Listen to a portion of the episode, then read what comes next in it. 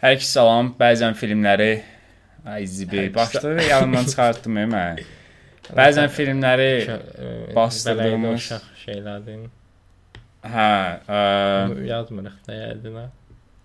podkastımıza xoş gəlibsiz. Deməli biz bu gün danışacağıq sən Hazırlıq deyil bu. danışmayın. Okay, yaxşı. Edək. da. Davam edirəm. Başda belə idi uşaqlar biraz ofensif. Yo yo bu Okay. birincini başa düşənlər başa düşdülər yəni. Okay. Birinciyə 30 qulaq saniyə getdi, hə, başda. Ə, bu bu epizodda biz danışacağıq sən mənim ilk 4 epizodundan, bir də ki ə, Bullet Train. Bullet Train yoxsa Bullet Train? Brad Pitt'in ən son qatarı. filmi Güllə qatarı. Yəni bizim də nəyə daha rahat olsun da. Yəni Güllə qatarı və qum adam. Ə, birinci qum adamla başlayırıq. İlk 4 epizoddan danışacağıq, narahat olmayın. Yəni ki, sonlara yaxın spoilerlar yoxdur, amma əslində onsuz da səndən belə tam spoilerlıq da bir serial deyil. Yəni nəticədə qulaq asa bilərsiniz. Netflix-ə təzə çıxıb hal-hazırda dünya üzrə birinci yerdədir izlənmədə. Və ə, əslində bir çox adam da uzun müddətdə onu gözləyirdi. Neil Gaimanın məşhur əsəridir bəli. Bullet Train isə o da hal-hazırda bizim Azərbaycan kinoteatrlarında yayımlanır və hətta IMAX-də belə var. Baxmaq istəsəz baxa bilərsiniz və məncə sırf IMAX kinosudur onsuz da. Belə, birinci Səlmanla başlayaq. Elşən nə fikirləşirsən kino barədə? okay. Serial barədə daha doğrusu. Heç komiksini oxumusan, heç şey. Yox. Yox. Mən belə o vaxt biraz baxmışdım, indi elə belə dedim, bir də göz atdım görüm eyniliklər falan. Biraz fərqlidir bəzi şeylər. E, Pozitiv mənada yoxsa neqativ mənada? Pozitiv və neqativ şey deyəməyəcəm, yəni. Yəni yaxşı mənada ya da pis mənada prosta fərqlidirlər, Aha. yəni. E, ne- o da yəni Neil Gaiman özü yəqin ki, istəyir fərqli olmasın. Neil Gaiman da birbaşa Aynen. eləyib yəni, supervisor. Eynən, yəni çox şey məs şeydir, məsələn, serialda uşaq var, e, ata uşağına pis davranır, sonra uşaq xilas edir. Burada komiksdə elə deyil. Ata ölür, qocalıb ölür, sonra uşaq da atası üçün bir şey olur. Elə o da deyir ki, mən də cavan ölümsüz eləməliyəm okay. falan. Aa, komiksdə geydi uşaq. Yox. Okay. Komiksdə şey Mən açığı bax burada da biraz o, şeylərə baxdım. Biz çünki biz necə komiksdə heç nə görünmür. normaldan qat-qat daha çox. Hə, okey. Normalda daha qat-qat daha çox belə o orientasiya məsələləri var idi serialda və mən fikirləşdim ki, görəsən komiksdə də belədir, yoxsa sadəcə bunlar həmişə kimi Netflix əlavələridir, amma deyəsən Netflix əlavələridir.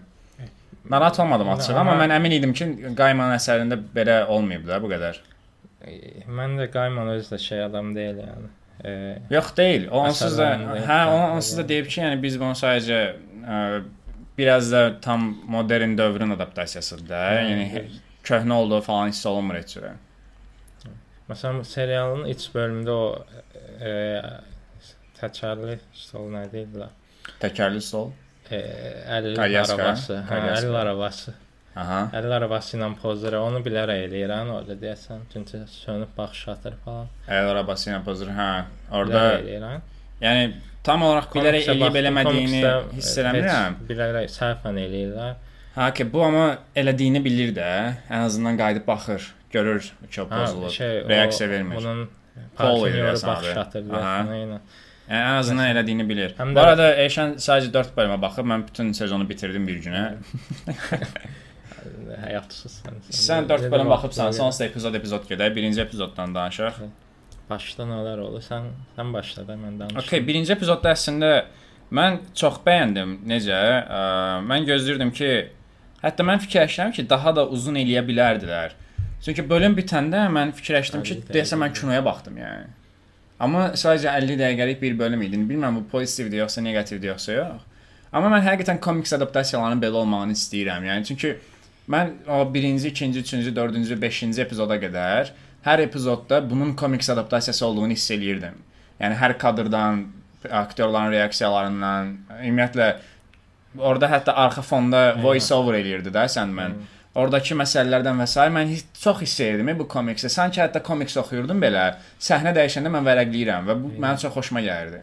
komik estetikası deyirlərdi onu deyəsən. Və o məsəl üçün bunu son dövrlərin komiks filmlərində falan görmürük də. Biz biz bunu görmüşdük ilə Watchmen, Sin City, bir də ki Spider-Verse. Spider-Verse-də var idi, ha, o komiks adaptasiyası. Yəni bu adamlar öz Mənşələrinə Watchmen hörmət edirdilər də. Watchmen çox oxşayırdı. Sin City tamamilə onsuz da komiks kimi bir şeydir. Komiksin canlandırması kimi bir Alan şeydir. Moore yazmışdı Watchmen. Da Neil Gaiman ən çox ilham aldığı yazıçılardan biridir.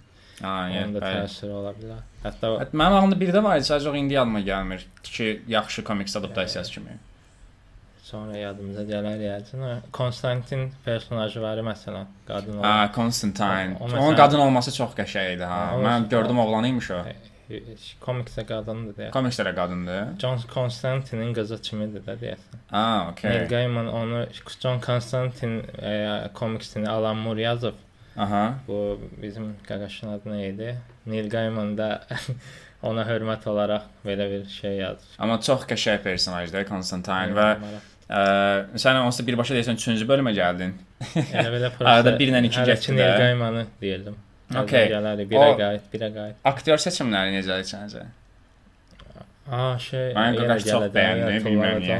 Aha, hara tullandın? E, Harry Potter'dəki dayının adı nə idi? Ha, a, tullanma da, tullanma, gözdə gələr Aktyor yola. seçimi deyil. Tullama sən necə David Hewlett. Eynən. okey, ondan başladı. Prosta birinci əsas obrazdan başladı. Sən mən, mən də yaxşı idi. Yəni o edgy personajı çox qəşəng oynayır. biraz da kiməsə oxşayır belə.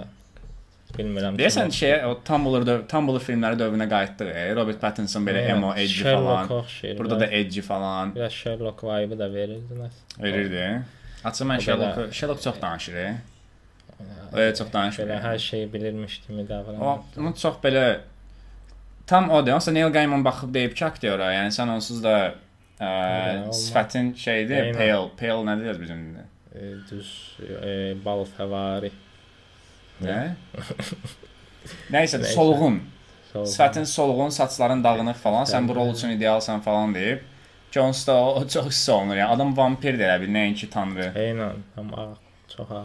Və bilirsən də mən o 2010-ların Tumblr filmlərini Eynən, bilirəm. xoşuma gəlir. Twilight falan. Çox həzz alırdım. Konkret o Twilight vibe da var idi onsuz. Biraz hava falan da elədi. Amma bax o ilk epizodlarda belə bulur falan var idi. Yağış, bulur effekti. Sonradan o bulur effekti yavaş-yavaş düzəlir, sonra yenə müəyyən səhnələrdə yağış yağır. Onsuz da mən Konstantini görəndə onun adını eşidəndə bilsən necə həzz aldım və dedim ki, yes. Okay. Açıq mən çünki mən komiksdə oxumamışdım, bilmirdim də belə bir personaj var. Yəni birinci dəfə də eşidirəm. John şey də işləmirsən, Keanu Reeves oynayan da John Constantine. Amma mənim sevdiyim filmlərdən biridir. Elə Məsələn, ona elə mən onu deyəcəydim ki, Konstantin özü də mükəmməl komiks adaptasiyasıdır. Eynən. Komiksində var ya, John'un özü də var bu arada. Elə belə baxdım. Serialda hələ ki yoxdur. Ha, okey. Çünki mən hətta şeyin ə, Konstantinin özünün də komiksini oxumadan kinosuna baxmışdım. Və komiksini oxuyanlar ağlaşma qururdular ki, nəm niyə sarışın deyil, Konstantin sarışındır falan filan. Oralar mənim vecimə deyildi. Məncə Keanu Reeves mükəmməl idi. Konstantini bir dəfə Oynayır. harda serialda falan oynayıb deyəsən. Ha, okey, bunu bilmirəm. Əmin deyil, əmindir. Hə, Ha, bu arada sən məndə vampirlər var. Olmamış olmaz bilmirəm. məncə. O qədər bilmirəm. Çox Okey. çox başını oxumuşam. 4 bölümünə qədər oxumuş ola bilərəm. Okey, məncə birinci, ikinci Qarğalar bölümləri falan görmüşəm. Ha, yo, bunu keçməyək. yaxşı seçiblər məsələn Kastan. Matthew çox qəşəngdir. Eynən. Ondan qabaqçı da pis deyildi. Aa, Ölbey. O, hə, qarğa məncə də qəşəng qarğa idi yəni. Qarğa deyil bu arada, o başqa şeydir. Raven dedi də. Raven da qarğadır. Crown nədir bəs? O qara. Biz iki sənə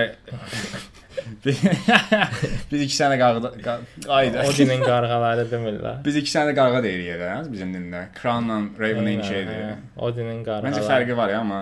Biri dişi bir erkəkdir bəlkə. Aa, Ola bilər. okey. Onda Uydururam ailə. birinci- ailədən. birinci qadın idi, onda Jeremy. Jeremy idi, yoxsa Jeremiah? Yoxsa başqa Jeremiah. şey. Hə, daha belə Bibliya səbəbi. bilmədim. Okay. Matthew zordu amma. Matthew çox da istəyir. Eynən, tam belə komiks gülməli adam. Ha. Groot. Ən azından I'm Groot demir də. I am I am Matthew. Matthew. Qa- O da qarada Bir də arada belə qarğa səs də Eynən. çıxardır danışır danışır. Qaq eləyir, sonra danışır falan. Rick and Morty sayağı. Corinthian aktyor da superdə. Kim? Corinthian. Var idi Ha, qatil. ha, o Ha, sən hələ onun Bad əsas boy. şeylərini görməyibsən belə. bad boy olan. Ha. 4-cü bölümdən sonra daha çox şeylər var da. Mən. Ümumi bu arada belə bir şey deyim. Serial 5-ci bölümə qədər mükəmməldir məncə. 5-ci bölümdən sonra başqa bir arka girir. Okay. Üçüncü bölümə keçək Constantine. 2 dənə olmuşdu yadımda. Bir ilə deyil. ikini məncə İkidə danışdıq da. yatmışdım Bir onsuz. iki eyni şeydir demək olar ki. yatmışdım. Mən belə bu tərz fantastik o nağıl danışmaq kimi olan şeylərdə yatıram Ha, okay. normal olaraq. İkidə qardaşların yanına gedir o əjdahanı öldürdüyü Gregory. Qəşəng əjdaha idi. Ha. Şirin idi. Amma bəs effektlər yəni, effektlər necə idi? CGI yerlərdə biraz Parit eləyir, nəsə. Netflix eləyirsən belə o. Treylerdə mən ən çox hiss eləmədim. Treylerdə hətta mən elə baxdım belə ki, konkret kino kimi effektlər var da. Amma açıq indiki kinoların effektləri də belə çox yaxşı Yəni, deyil. Netflix işi kimi fikirləşdimə görə çox ciddiyə almadım. Amma o Amma Netflix serialları kimi də deyil amma. Hə, yaxşıdır. Yəni şey deyil, gözə batmır ən azından. Aha. İçini boş verir onda. Əjdaha 3-ə. qəşəng idi onu 3 deyirik. 3 Constantine. Constantine Ha, epizodu üç. çox ləzzət elədi mənə. Bayaqdan sonra Constantine İçindən fanboy kimi canavar fırladı. falan çıxardırdılar o bölümdən. Hə, bir də o sevgilisi öldürüyor axırda da. Hə. Bax o realizmi çox sevirəm bə. Gedib xilas eləmir də, yəni əlindən alır ki, yuxusunda rahat ölsün falan. Eynən. Yoxsa indi dedim ki, xilas eləyir. mən də qorxdum belə ki, xilas edəcək falan, amma konkret öldü də. Qummuğurladılar qaqaş. Və o şey bölüm onsa bunun hal-hazırda sən şeyini görürsən də, özünün toollarını axtardığı quest questləri görürsən. Ə, bu 5-ci bölümdə falan bu hissə bitir. 5-ci bölümdən sonra başqa hissə başlayır. Ona görə hər hansı questdən gedirik belə. Ə, Constantine oynayan aktrisa da məncə çox yaxşı idi. Adı nə idi? Heç tanımam. Adını mən də bilmirəm, heç görməmişdim əvvəlcədən də. Okay. Jenna Coleman. Film Belçarız. Amma ə, hə, normalda məsəl üçün belə Netflix seriallarında falan o ə, yaxşı olmayan aktyor seçimi çox hiss olunur da mə- bəzi yerlərdə Eynən. falan. Mən burada onu çox görmədim onsda. Bir dənə Lucifer biraz ə, ona da gələrik onsda. Biraz o mənə şey oldu ki, tam elə bil o deyil falan, amma Constantine oynayan qız, bir də ümumiyyətlə qız Constantine görməyə də tamam belə şeydir. Yəni bilmirəm, bəlkə də böyük fərqi yoxdur. Mən var. Yəni mən çox təsir eləmədim bilirsən. Prosta nə zor. Hə, A okey. konstant a a o o elədim biraz. Amma şeyi bəyənirəm. e, Məsəl üçün sən mən gəlir, ə, sən mənim özünün öz missiyası var da, öz missiyasını eləməkdir və dünyəvi şeylər ona elə də maraqlı deyil. Amma bu dünyəvi hadisələrin fonunda ə, daha doğrusu bunun öz quest fonunda, öz missiyası fonunda biz o dünyəvi hadisələri görürük. Bu ikisinin paralel getməyi mənə çox xoşuma gəlir. Yine yaxşı idi o hamımız o de, David kimi deyil o bir ilk başta öldüren Aha. adam neydi adı yadımda değil. Hamımız onun kimi deyil falan diye. Bir şey. Ə, sən şey deyirsən, Roger Derek Rodriguez ha ə, Ronald. Corbes idi, nə idi onun soyadı? Neyse de hamımız o kişi kimi değil. Aha. Diye. Hə. Sonra değil. Aa aslında pis insan değilmiş. Bu axıra qədər də belə da, daha doğrusu 5-ci bölümə qədər belə davam edir bu arada. Yəni hər Elə, elə. epizodda fərqli hekayə görürük belə. Ki ə, bu Constantine məsələsindən sonra da gəlir 4-cü Cəhənnəmə bölüm. A Hope in Hell cəhənnəmə getdi. Hoffenheim'de mən tam axıra kimi şey gözləyirdim. Epic battle gözləyəcəm. İndi falan deyə həyecanlandım. Sonra dedi ki, mən canavarım, o da deyir mən oxçuyam falan. Niyə E, birbaşa açığı- şey demirməsən? Açığı mənə çox belə qəşəng gəldi. Yəni tanrılar belə Bilirsən nə oxşu? Turn-based oyunlar olur, ya, ona oxşar.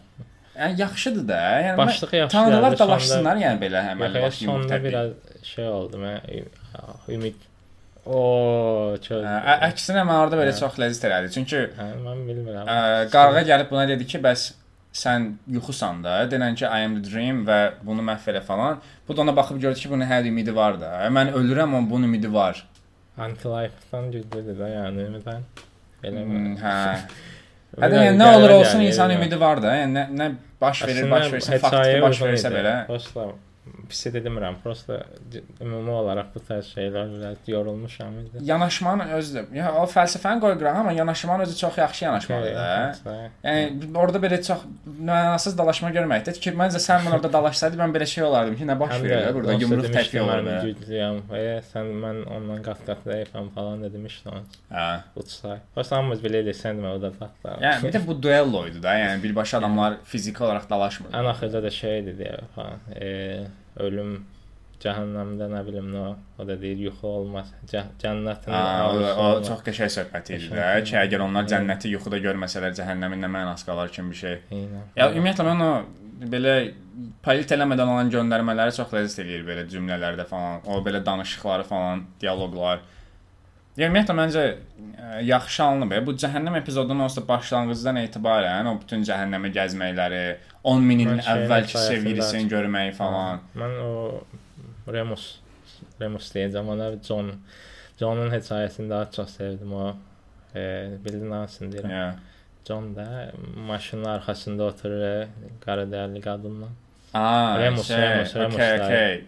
Ə, Adı yadımdan John David, John. David Hewlis. Bildim, bildim. Okay. Aktyor, Harry Potter. Yəni çox yaxşı oynayırdı məndə. Naked'dakı, Naked'da da personaj zor Hmm. idi onsuz. O ümumiyyətlə bu cəhənnəm bölümündə paralel gedirdi o. Aha.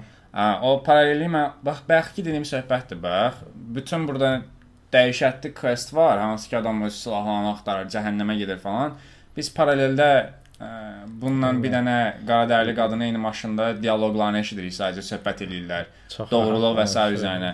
Kaş burada 5-ci epizoda da baxardım. 5-ci epizod mənim ümumiyyətlə sezonda ən bəyəndiyim epizoddur və orada ümumiyyətlə sən məni çox belə 57 dəqiqə qısa görürük. nə? 57 də dedim baxım çıxım dedim 30 dəqiqədə baxacaqdım sonra. Ha, dedim, epizod biraz uzun idi deyəsən, hə? Amma belə ümumi nə, necə fikirləşsən? Mən ümumi necə fikirləşdiyimi deyəcəm çünki e, mən bitirmişəm də Mən serialı. bitirməmişəm deyə hələ Amma- ki deyim. İlk Hə də yarısını hələ ki də. deyim. Şey var, e, komiks yox, o fantastik mistik hekayə ağırlığı hiss olunur. Aha. E, Məsələn, Witcher-da kimi o ağırlığı atmırlar da burada. Yes, eynən. Ən O əsas da məsələ odur selling məncə tərzi hətta. ilə gedir daha çox o Aha. belə Epikdir də yəni. Eynən, epik belə hekayə var, nağıl danışırmış kimi gedir. Orası bəyəndim. Ağ, ağır, ya axıcı deyil, ağırdır. Mhm. Amma bu Məncə də ağırlıq axıcı bilərək deyil. ağırlıq var da, axıcı deyil, axıcı deyil onsuz da 57 dəqiqə serial axıcı ola bilər. Adam nağıl danışır başda.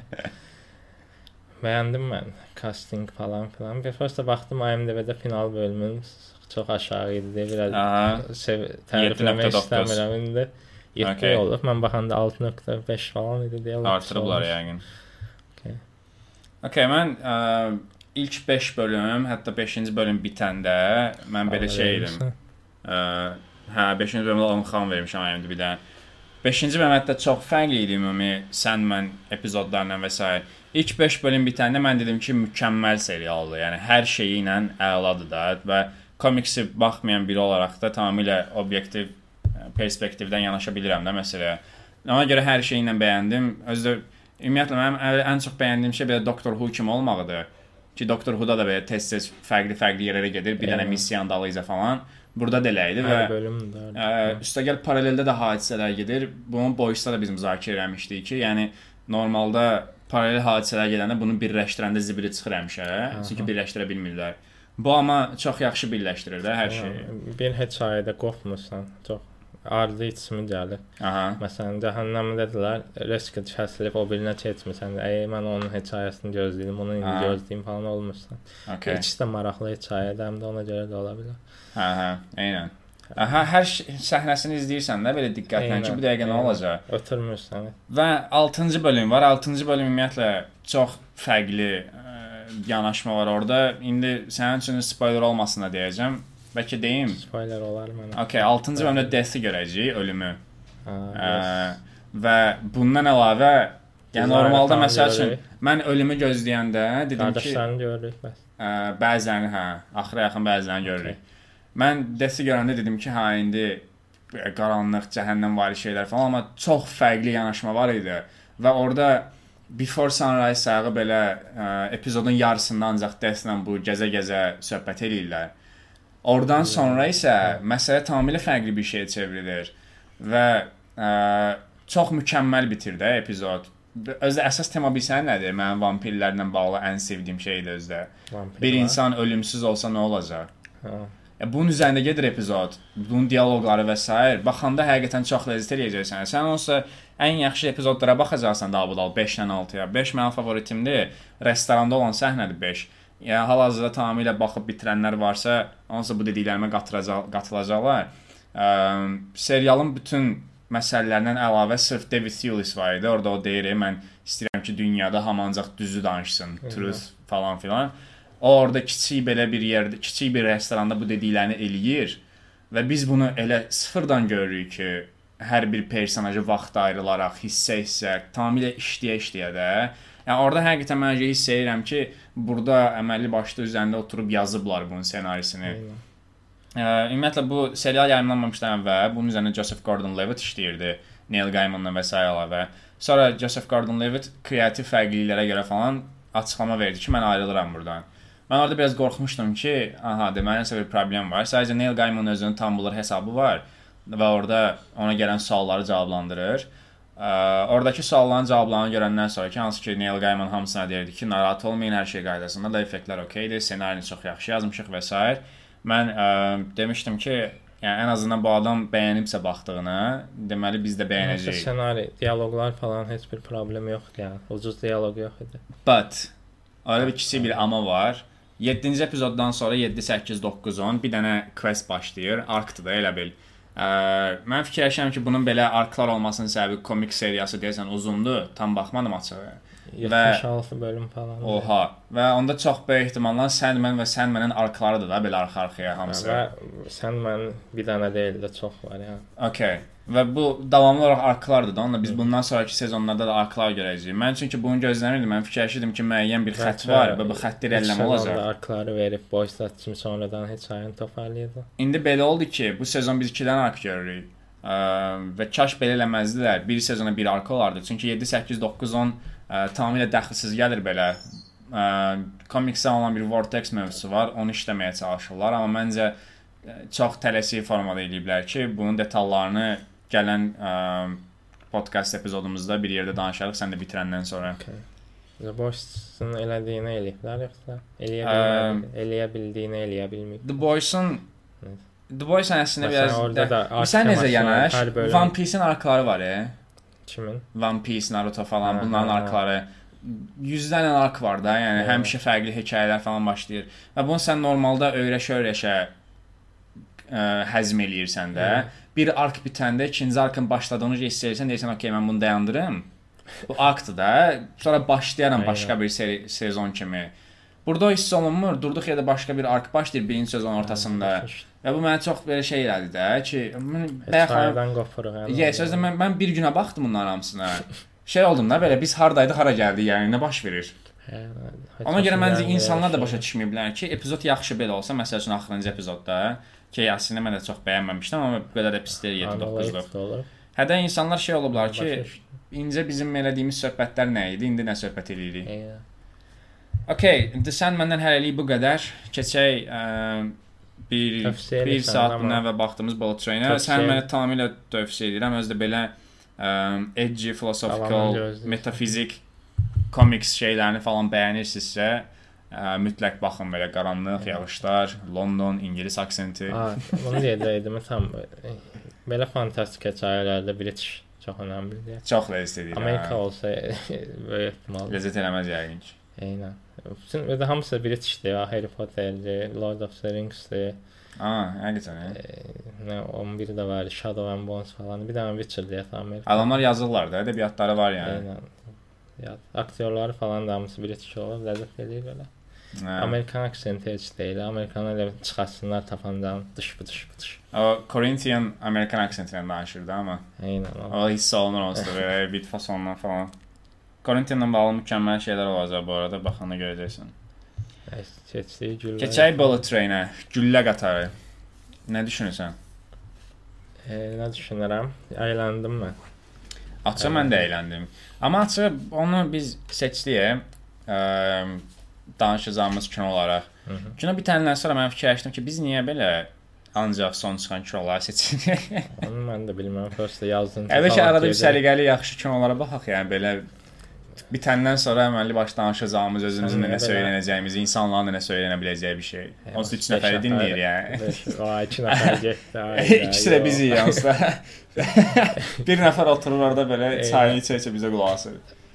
Və adam çox sağ ol ki, həqiqətən bizə qulaq assın. Yəni, 25 dəqiqə. Arada ortada toxum falan. Artıq edəyim.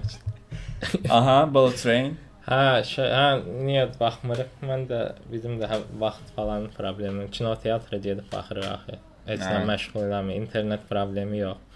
Aktivitə Kimsə olur. da. zəng eləyib, cəbdən getdi bir. Bəlkə bir dəfə bütün hamı ilə gedək baxaq və sonra Ə, Elə həmin adamlarla yığışaq. Biz danışaq podkast edirik, onlar da qulaq assınlar. Nəysə sonra şey durduq Okay. yerə işləmə açma başladı. Hə. Bullet Train. Mən açığı hekayənin ssenarini çox bəyəndim. Eynən çox kaotik amma səliqəli bir hekayə var. Hə, ssenarini yazan, özdə mən ssenarini yazana baxdım. Bundan əvvəl də elə dəhşətli ssenariləri olmayıb.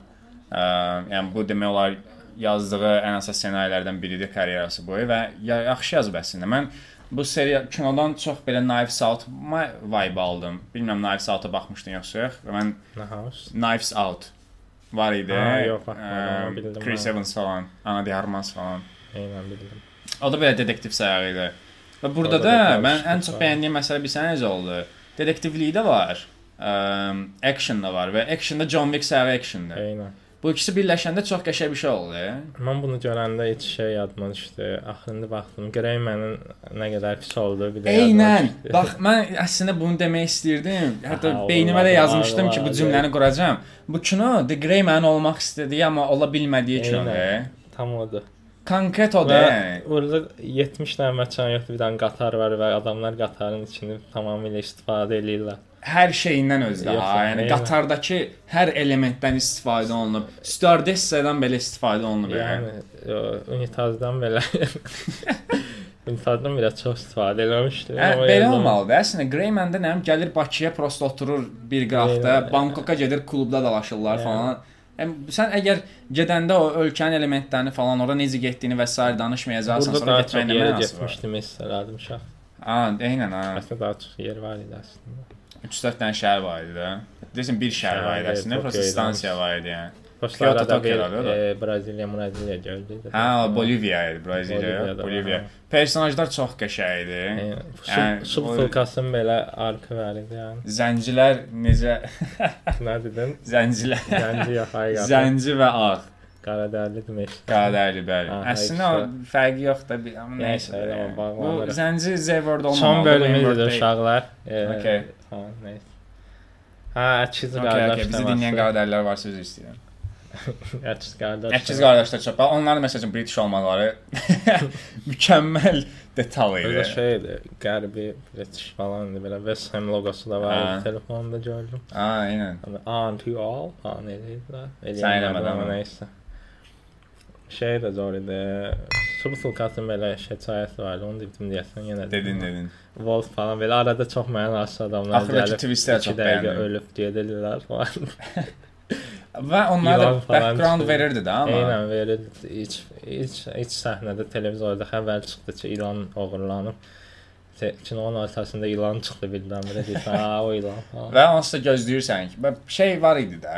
Sənin gördüyün hər şey bir rol oynadı, yəni sən Eynən kinoda. Silah falan. Hə, Çexovun tüfəngi. Eynən. Yəni nəyi görürsə hamısı ən sonda rol oynayır belə. Bir də çox gülməli səhnələr var idi. O Əks qardaş kimi təqlid eləyir Brad Pitt. Sonra açır belə sumkanın içindən alt paltarları düşür. Mükəmməl səhnə idi o. Eee, adı nə idi? Thomasin qatarları. Hə. Eynən o da. Mən ümumiyyətlə çox kompozisiyanı və detalları çox bəyəndim. Yəni, Yaponiya Yəni belə şey olursan da, birinci Yakuza. baxırsan ki, niyə Yaponiya falan, sonra görürsən niyə. Yaponiya. Ə, Yaponiyadakı anime detalları. Məsəl üçün bir yerdə o oyuncaq paltarını geyinən qızlar qabaq-qabağa gəlir, ona vurur falan. O məsəl üçün normal şanda gülməli detalmış kimi keçib gedə bilərdi, amma biz sonra onun içindən qız Eynən, çıxdı yəni. Adam öldürən oyuncu. şey olursan, nə? Ən sonda məsəl üçün bir anlıq şübhəyə qatıldım, o qızı öldü, maşın vurdu Eynən. axırda. Dedim ayda bu niyə random öldü ki, bunu qəsdən belə elədilər Onu görsən falan. Sonra onu da bağladılar ki, bəs qaradərli çıxıb sudan güllələyib birini gedib maşını dayandırıb gəlib vurub bunu yəni. Yəni gö- göstərilən heç bir şey e, ekranda qalmadı. Yəni harasa bağlandı hər şey. Ona görə deyirdim də, elə Knives Out kimidir. Knives Out məsəl üçün detektiv filmi idi və orada da ə, edilən hər bir dialoq, hər bir söhbət və bütün personajlar bir rol oynayır. Və bu arada Michael Shannon mükəmməl aktyordur. Hansı- Bilirsən hansı idi o? Ə, White Death. Hə, hə. O Knives o Out-da da idi. var o. Mən onun pis rolunu görməmişəm, nə deyəsən? Şey də pis oynamadı. Eee qoca Elder, Zelda. Hə, realdır. O çox qəşəng idi. O şey hə. də öldü. Çox cool idi yəni. Nəsihət O da məncə verir. boş bir şey deyildi. Yəni Adam nəsihət gəldi. verir, sonra açdım ciddi almır falan, orası zor idi. Adamın nəvəsini atırlar falan. Oradan necə heç ay yakuzaya bağlanan sən demə əvvəlcədən 5 dəfə göstərilən şeydə adam buymuş adı. Hə. Qəşəng bağlayırlar hər şey bir-birinə. Deadpool'un yazarı da e, Hə, o- yazarı yox. Deadpool'un rejissoru da. hiss olunur. Bir də bu ə, orada Kameraya arada Ryan Reynolds gördük ya. Eynən, bir saniyə. O Ryan Deadpool'un rejissoru da axı, yəni oradan tanışdı falan. Bir də ki ə, şey də var idi. Bu Deadpool'da. zarafat eləyən oğlan var idi Qatarda. Hə, hə. Adı yadımdan çıxdı sadəcə. O Sandra Bullock, bir də ki Brad Pitt yaxınında bir dənə kinolar falan çıxdı axı. Elə bil bütün dostlar yığılıb belə. Elə- Və rejissor əvvəllər stuntman olub. Və Brad Pitt'in demək olar bütün kinolarında Fight Club-da daxil olmaqla hamısında stuntmanlik eləyib də. Hə. Yəni bu adamlar elə bir belə dost qrupu yığılıblar və deyiblər ki, okey bir dənə kino Deadpool'da da çəkirik. Brad Pitt var idi 1-2 saniyəli yadında. Eynən, eynən. Belə cameo kimi.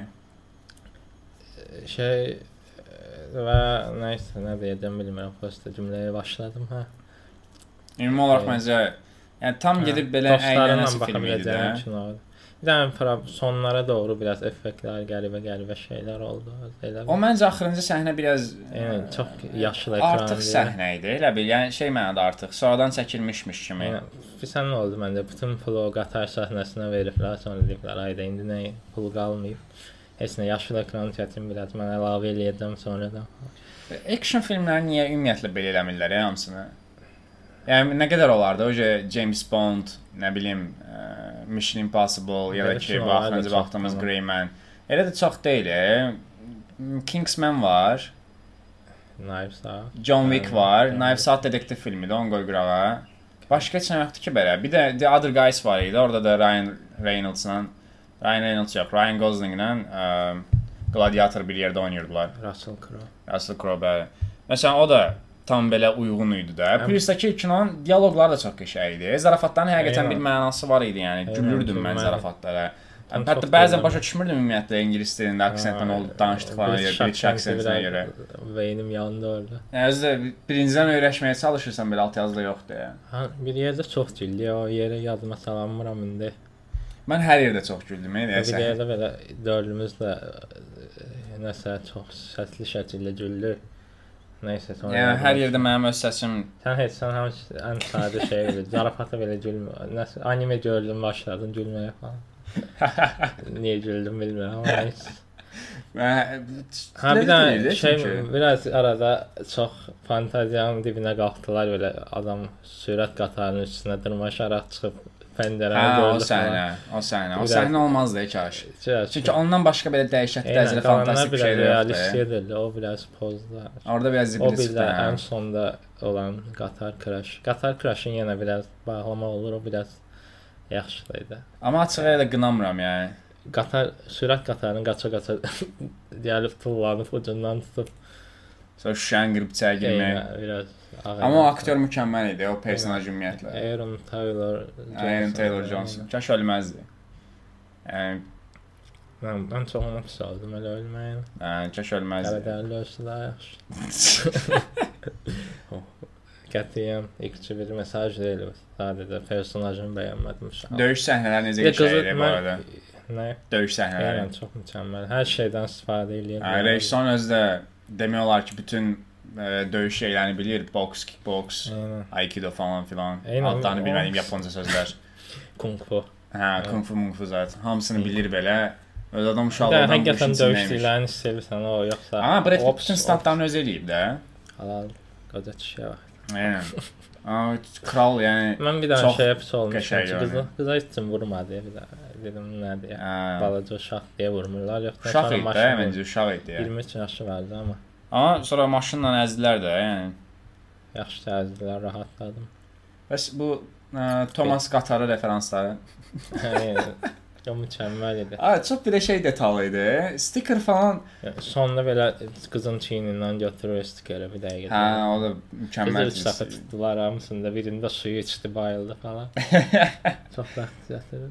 Həqiqətən Wolf, indi baxıram, gör nə qədər detal var ya kinoda. Biz Wolf ilk görəndə üstünü qırmızı görürük, deyir ayda qanlı falan, sonra görürük ki, əslində bilet üstünə prosta çaxır dağıdıbmışlar. Posterdə Wolf niyə ona birbaşa bıçaq soxmağa çalışdı? O elə bildi ki, bu eləyib. Bütün təşkilatçı budur. E, onu da görmüşlər şeydə. Ha, ofisiant kimi də? Görüb. Ha, okey. Görən kimi deyib ki, hə, deməli bu da burdadır, bunu da vurum falan. Nə də elə bu burdaymış, birbaşa qalama çıxdı vurum. Oradan sonra bilet deyildi ki, mən deyildim falan. Hə. Mən elə bildim şəkilli onun şəkli var. Bəs bu fate falan söhbətləri qədər söhbətləri? fate deyirdi, hər şey fate falan.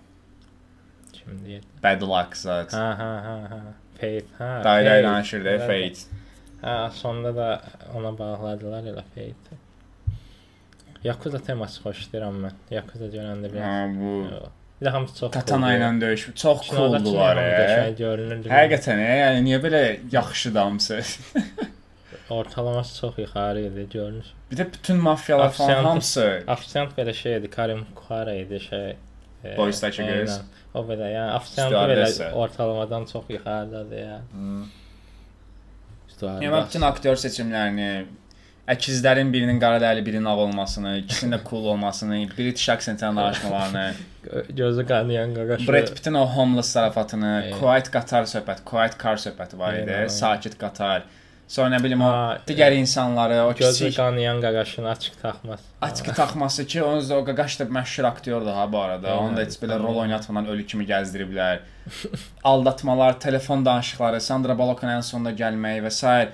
Hər şeyini bəyəndim əslində. Yəni kinonun onsuz da belə insana söz verdiyi dəyişə çox bir şey yoxdur. Demir də ki, sən gəl bu kinoya bax və Bəyənmən şey gözləyirdim. Mən pis kino gözləyirdim. Şey, Hə, mən də belə Greyman kimi süni effektlər, süni dialoqlar. Şey eləyib dedilər, okey. Aha, bax, bu şey çox qəşəngdir də. Döyüşürlər və söhbət eləyirlər və s. Katların hamısının bir rolu var. Məsələn, Greyman-dakı katlar el katlar idi ki, CGI-in effektinin ucuz olduğu hiss olunmasın. Eynən. Milli saniyədə kat var idi ki, bu defektləri falan aradan çıxartsınlar da. Çünki o katlarda bir dənə dayandırıb bax, görəcəksən ki, elə bil animasiyaya baxırsan. Eynən. Burada hər bir katın mənası var idi. Məsəl üçün döyüşürlər belə, kat yoxdur. Sonra arxadan kimsə deyir, "Şş, orada artıq kat görür ki, kimsə şiş deyir də və sonra çönüb baxanda görürsən ki, bunlar dost kimi dayanıblar. Çox gülməli idi orada. yəni bu detallar, Eynən. bu katların hamısının gözəlliyi çox yaxşı idi hər şey. Boş boş işlənməmişdi heç nə. O yaxşı idi həqiqət. İlan belə. Adicə ilanı belə çox yaxşı işlətdilər. Biraz arada çox komediyaya qaçır.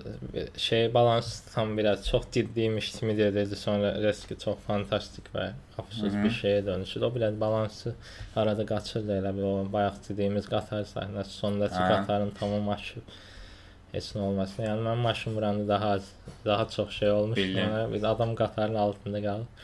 Amma bunun kino öz elə bir Hə, fərqində idi də. Eynən o. Kino bunu demək- bilirdi də. Yəni Prosta özü bilirdi o, yəni. o bilməyi biraz sanki limitini aşırdılar elə bil. Hə, okey. Məsələn, qatar qapısı uçur, bu ayağından təzədən girir içəri falan biraz. Ya şey oldu. Bu qədər də biraz şey falan amma qınamıram prosta deyirəm ya. Normal bir şey. Seçimi oldu da yəni səhv deyildi. Başqa cür nə bilim. Əsas twist barədə nə fikirləşirsən? Ən sonda danışırıq, mən istədim prosta ə, fate-i idarə eləyim deyə hamınızı bir yerə yığdım. İstədim hamınız bir-birini öldürərsiniz falan. Bu barədə nə düşünürsən? prosta məndə hekayen biraz Normalda hekayen necə olur? Başlıq, gedişat, sonluq olmur. Bir də sonluq üçün yazılmış bir şey idi məndə. Yəni belə twist-i Çox- super va- twistmiş kimi baxmısan da, yəni. Yox, əslində mən twist üçün baxmırsan da kinoya, yəni ümumiyyətlə twist də gözləmirsən. Mən tək twistim şey oldu, qızım qızı çıxmağı, qızın Hə. qızı çıxmağı. Doçka, Eynən. papa. Sonra həmin silahla yenə başı patlayır axırda falan. Ailədə deyəsən hamı öldü ha bu arada. Oğlu da öldü, qızı da öldü, Hayır, ha öldülər. Yoxsa özü də deyirəm. öldü. Ə, Yoldaşın onsuz da vurub Qızı axır, əzmişlər. qızı öldü sayırıq. Görmədi öldüyünü. Məncə öldü bu arada, yəni o sürətlə kimsə kimsə Yəni dəysə. dəysə. Mən də maşınla da aparı var. Yəni Musiqilər bu arada. Lan qəşəng ma. Anime ma. Soundtracklarda oynayırdım ya, yəni konkret. 500 Miles eşitməyi gözləmirdim. Staying Alive. Evet, Staying Alive aynen. Yaponca ya. Staying Alive. Eyvallah. Ya mən orada məsəl üçün ə, özü ən birincidən bir dənə mahnı gəldi, onun adını adını unutdum. başladı. O mahnı yox, Hüseyn ilə başlamır. Başqa şeylə başlamışdım. Kino. Sadəcə o hissə gələndə mən hiss elədim də nəyə baxacaq. Açıq mən treylerlərdən hiss eləmişdim çünki bizə verdikləri kliplərdə şey idi. Döyüş səhnəsinin katları idi, belə başı stola dəyir falan, Hə, oradan dartır, sonra oradan kimsə şiş edir falan. O Mən oradan hiss eləmişdim ki, bu kino nəsə odur. Mən şarayı ilə döyüşdüyünü görmüşdüm bir dənə. Və anime şarla. Hmm. Dənə onu görmüşdüm. Dedim Okay. nədir? Brad Pitt niyə belə şey eləyir falan olmuşdu amma pis deyilmiş. Məncə Brad Pitt-in özü çox həzz alıb ya kinodan. Əylənir. Çünki mən olsam da bu qədər həzz alardım yəni. Onsuz da standları öz eləyibsə həzz alır da. Yoxsa niyə eləyəsən? Tangerin və limon. Tangerin və limonun spin-offunu görərik görəsən. Çünki mən istəyirəm yəni əvvəllərindən falan. Görmək olar. Baxaram ya yəni. köhnə hekayələri Bir də bunun göstərdi. yəqin ki ikinci kinosu çıxar Məsələn da. Boliviyada ayaq teması falan oldu. Onu tam biraz daha çox aça bilərlər. Ha, hə, hə. Onu tam Yəni bu çox qəribə deyil səncə? Oradakı demək olar hər personaja belə əlaqə qura bildi ya, yəni bütün kino boyu. qurluq. Ha. Yəni mən o qızından başqa ə, Qızla da qurluq da niyə? Atasının Hə, hə, eynən, eynən, eynən. yəni demək olar hamısından əlaqə qur. Boş bir şey yox idi da, boş bir personaj. Yox da. O fikirləşim. Eynən o qar əçidlərin belə çox emosional bağları olması falan.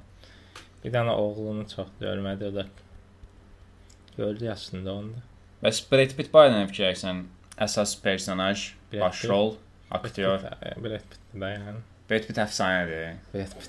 Ya adam nə deyə bilər? adamı gördüyü an sonuncu dəfə Ad Astra, ə, Once Upon a Time in Hollywood və Oscar hər cürə rolda oynaya bilirdi adam. Eynən. Yəni çox idealdır. Da çox yaraşıqlı. Qısqanıram ya, la, səsi falan hər şeyinlə olduğu hər səhnəni oğurlayırdı və vitfasonu nə gündə olur olsun qəşəngdir hər cəhətdən. Yəni çalışırlar elə yara üstündə ilan var və adam unitazdadır, yəni yaraşıqlıdır. Mən əlimdə ilanla unitaza girsəm necə görünərəm deyəsən məsələn. Jeff Bridges kimi idi də, də Lebowski-də kimi Hmm.